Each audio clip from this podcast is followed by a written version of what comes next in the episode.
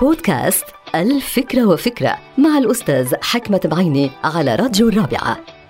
فكرة اليوم لها علاقة بالرسائل الصوتية اللي منوجهها على الواتساب في بيئة العمل وأيضا لجميع الناس لأنه هناك نوعية للأصوات ويجب أن نهتم بتلك الأصوات. هناك أصوات مزعجة للمستمع وهناك العديد من التمارين اللي بتساهم في تطوير وتحسين نوعية الأصوات والرسائل الصوتية. مثلا الصوت الضعيف من الصعب إنه نسمعه. الصوت الخائف بيعكس حالة من التوتر. الصوت المتقطع بيعكس حالة من عدم الثقة. الصوت المتلعثم بيعكس حالة من الخوف. الزعيق والنعيق كل هذه الأصوات يجب أن لا تكون جزء من رسائل صوتية عم نتواصل فيها مع الناس لأن الرسائل الصوتية هي جزء من التواصل الإيجابي وخاصة في بيئة العمل. انتهت الفكرة. هذه الحلقة مقتبسة من كتاب الفكرة وفكرة.